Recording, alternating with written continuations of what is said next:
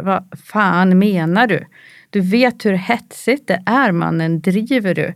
Drive-by, sen en horunge i parken släppte mot oss.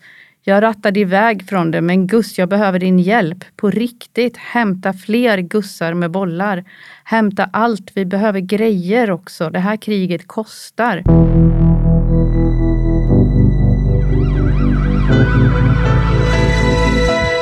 Vännernas desperata vapenjakt efter dramatiska skottlossningar.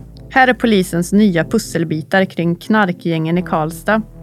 Jag heter Caroline Englund och du lyssnar på NVT Krim, en podd om värmländska brott. Och I den här podden tar NVTs reportrar Åsa Asplid och Nicole de Borsan med dig som lyssnar bakom kulisserna i Värmlands undre värld.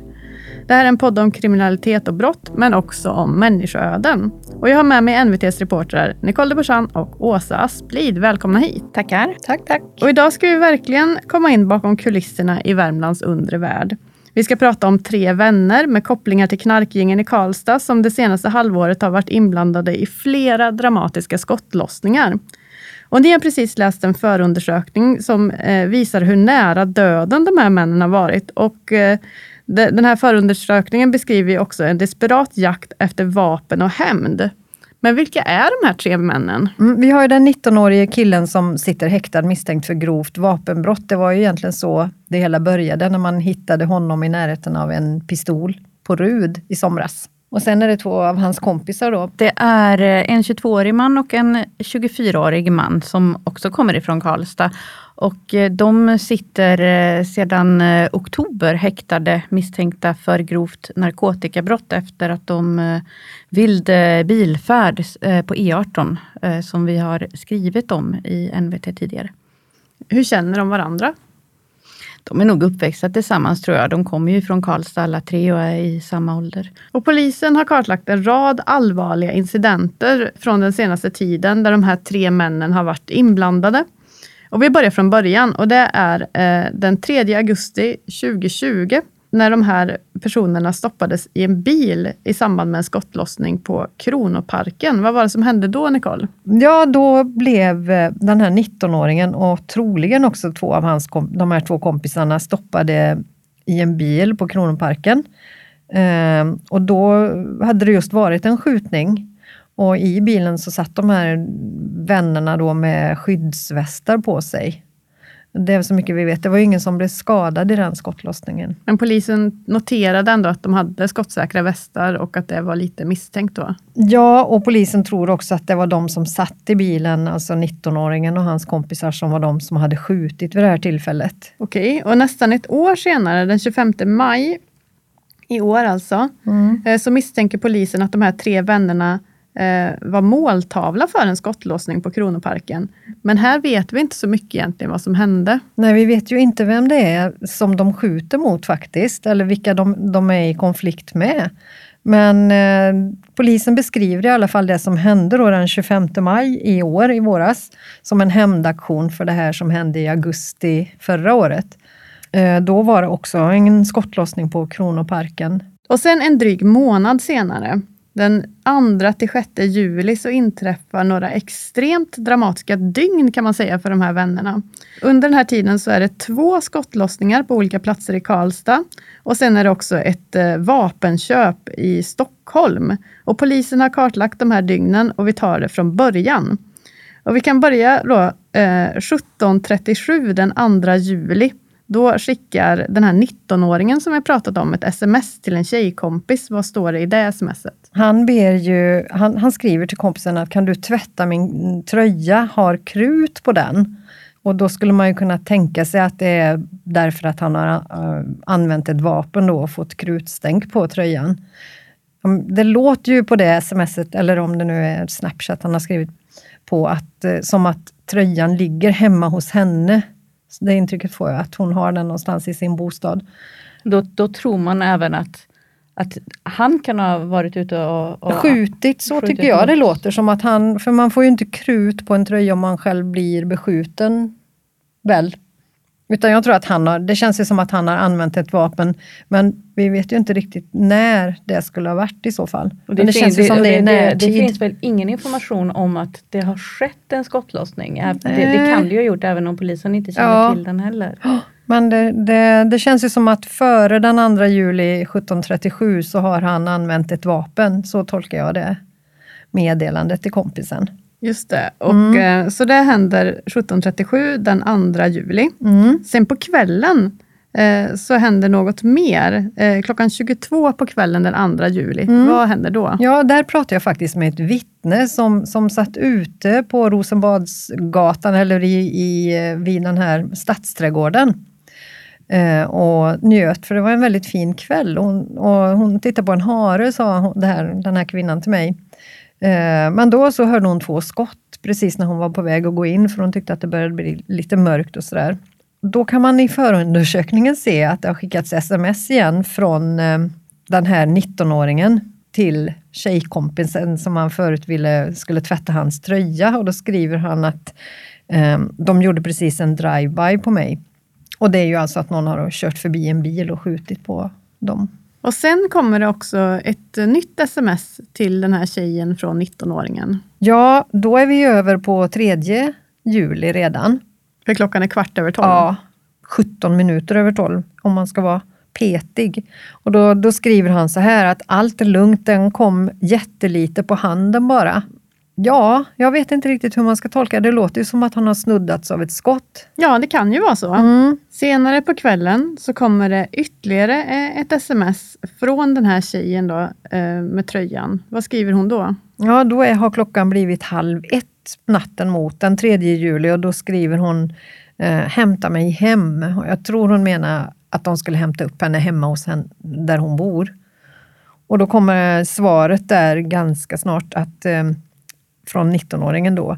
Eh, jag kan inte, bilen har skotthål, haha. Och så avslutar han med ett hjärta. 19-åringens kompis, den här 22-årige mannen, har ju också skickat, haft en sms-konversation någon dryg timme senare, när, när de, de sitter ju i bilen tillsammans här. Och han skriver ju också om den här skottlossningen de var utsatta för då tidigare på, på kvällen. I stadsträdgården alltså? Ja, exakt. Ja. Och då skriver han ju till en, en vän, bror, de träffar bilen med alla skotten, mm. kolla video. Den ja. videon har ju vi inte kunnat ta del av, men det ska tydligen ha filmats något. Däremot så har vi ju sett bilder på på bilen där man mm. Eh, uppen, ser skotthålen väldigt tydligt. Där ser man ju, det är fyra skott som har träffat på förarsidan från förarsätet och, och bakåt liksom. Men det har gått precis under fönster under fönstren på bilen. Det är ju bara ja, ren tur att ingen dog. Helt ja. enkelt. Om inte det är en superskicklig skytt som har satt skotten så för att skrämmas, men det, det tror inte polisen. Polisen säger ju att de här de är, som köper och hanterar de här vapnen kan inte skjuta. De är oskickliga skyttar, vilket ju gör saken ännu farligare. Så det är ren slump, beskriver polisen. Slump och tur som gör att ingen dog. Det, i, I den här sms-konversationen här som 22-åringen har framgår det ju också att, att, man, att de fortfarande letar efter de här personerna som besköt mm. dem. För det, det skrevs ju här några minuter senare. Bror i KD åker runt, letar. Och det var klockan 02.26 den 3 juli. Mm. Och sen tog det ju bara någon dryg timme. Innan det var dags igen, ja, för då 03.57 så smäller det igen och då är man uppe på Kronoparken på Signalhornsgatan inne i ett bostadsområde och, och så blir de här tre vännerna beskjutna igen och klarar sig. Och sen hittar polisen dem och deras bil som är full av skotthål på Kvarnberget. Vad, vad, säger, vad säger vännerna då när polisen stoppar dem? Ja, de vet ju inte mycket om någon skottlossning utan de, eh, de förnekar all kännedom om att de... Nu är de ju inte misstänkta för brott heller utan nu är ju de brottsoffer eller målsägande men de vill alls inte medge att de har varit inblandade i någon skottlossning. Vilket ju måste kännas svårt eftersom de sitter i en bil med fyra skotthål i. De förnekar de, de, de tas väl kännedom. med inför förhör ändå, ja, men säger inte särskilt mycket under de förhören. Däremot så beslagtar ju polisen deras mobiltelefoner. Mm.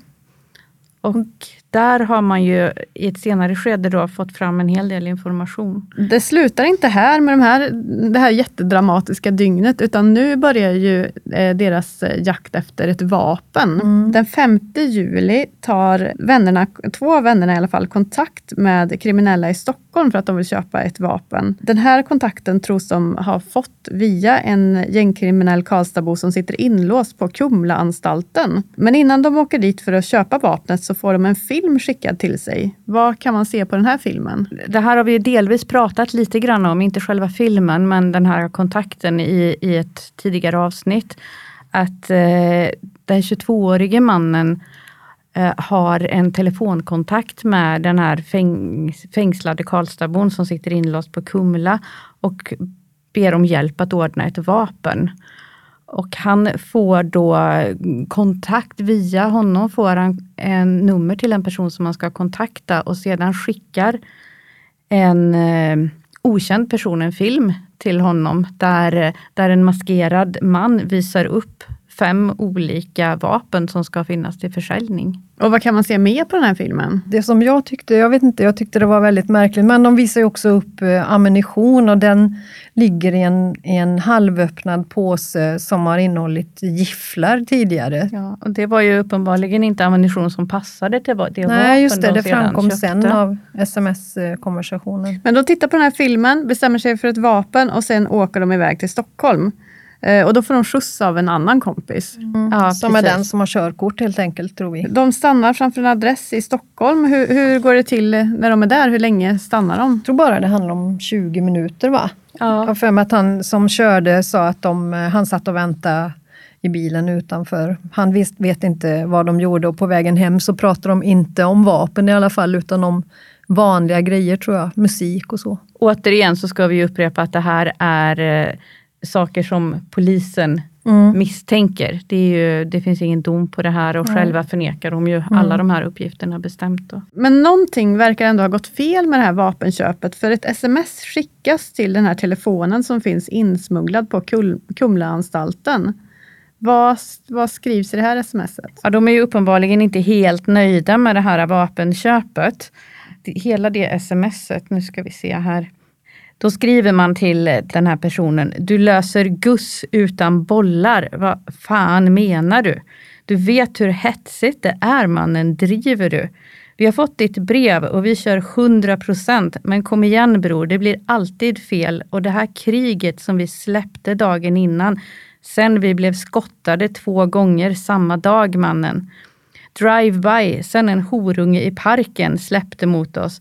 Jag rattade iväg från det, men Gus, jag behöver din hjälp. På riktigt, hämta fler gussar med bollar. Hämta allt, vi behöver grejer också. Det här kriget kostar.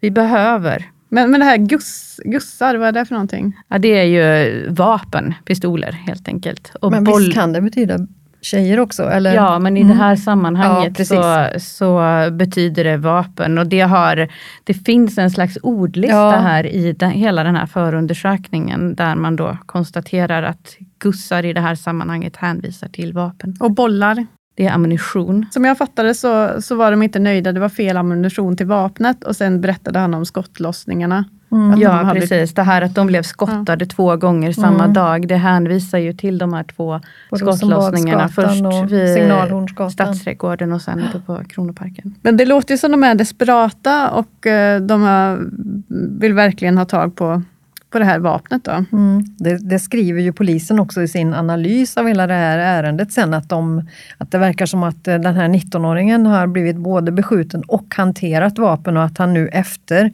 de här skottlossningarna är i akut behov av ett nytt vapen, som det står i förundersökningen. 19-åringen och eventuellt också 22-åringen Enligt polisen var de så rädda under den här perioden så att de tog in på ett hotell i stan flera nätter för att liksom känna sig någorlunda, kunna sova säkert helt enkelt. Och det här som vi pratat om på RUD, vi, vi har ju tidigare sagt att det, eh, det, var någon som larmade om mystiska personer, men mm. nu vet vi att det rörde sig om maskerade personer som smög omkring. Ja, det var väl sådana här munskydd, corona-munskydd skulle jag tro.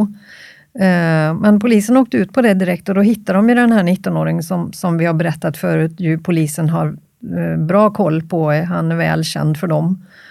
Eh, och så hittar man, eh, jag tror det var så att antingen var det polishunden Joffe som hittade en pistol i en buske eller om det var en polis. Nej, jag tror det var polishund. Och så hittar man handskar bredvid också och där fanns 19-åringens fingeravtryck och DNA. Pistolen fanns det ingenting på. Men den kunde man sen då koppla till den här vapengömman i Bromma. Ja, ja precis. Och det, det är ju en ganska stor vapengömma där man har hittat eh, även det vapnet som ska ha dödat den här 12-åriga flickan Adriana i Botkyrka som sköts ihjäl, jag tror det var i augusti förra året. Mm. Så den vapengömman har, gör ju att gängen i Karlstad blir kopplade direkt till gängen och gängkrigen eh, kan man säga i Stockholm. Då. Ja, och sen går det eh, en stund, men i slutet av eh, september så görs en husrannsakan mot den här vapengömman i Bromma. Och polisen hittar då eh, både vapen och även knark. Där lär man ju ha, ha spanat en viss tid mot den här adressen. För i, eh, i en, en av telefonerna som man beslagtar redan i början på juli, eh, där lyckas man ju vittjar den telefonen på information. Så någon gång i mitten på augusti så, så kommer man åt en rad meddelande där, varav bland annat det här, de här smsen vi har läst upp. Då. Och där framgår det ju exakt vilken adress de åkte till. Så att polisen hade ju kännedom om, om den här adressen någon gång i, i augusti redan, men valde ändå att vänta till 28 september innan man gick in där. Och då greps fyra personer i samband med, med det tillslaget. Och de sitter häktade Ja, de är häktade. I Stockholm nu?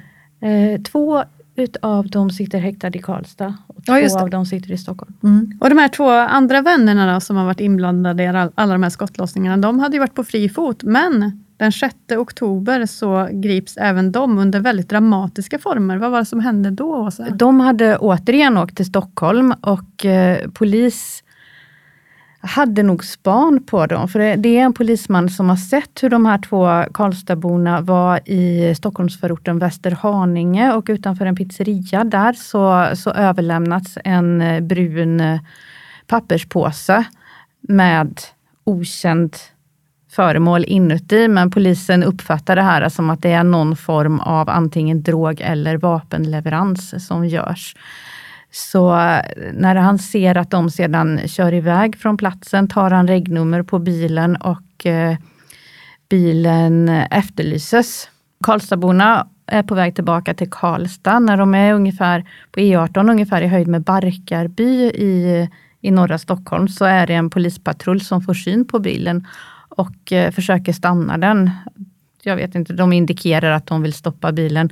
Eh, Karlstadborna vill inte alls stanna utan eh, ökar farten. Polisen ökar farten och det här blir en eh, oerhört dramatisk biljakt vid mellan 17 och 18 på eh, en tisdag eftermiddag. Polisen har senare i förhör beskrivit hur den här bilen kör slalom mellan övriga bilister, delvis ner i diket också i hastigheter som når upp till strax över 250 kilometer i timmen. Så att det det är ju en helt eh, galen färd och eh, rena turen att ingen människa skadades i samband med detta. För vad som helst mer eller mindre kunde ha hänt.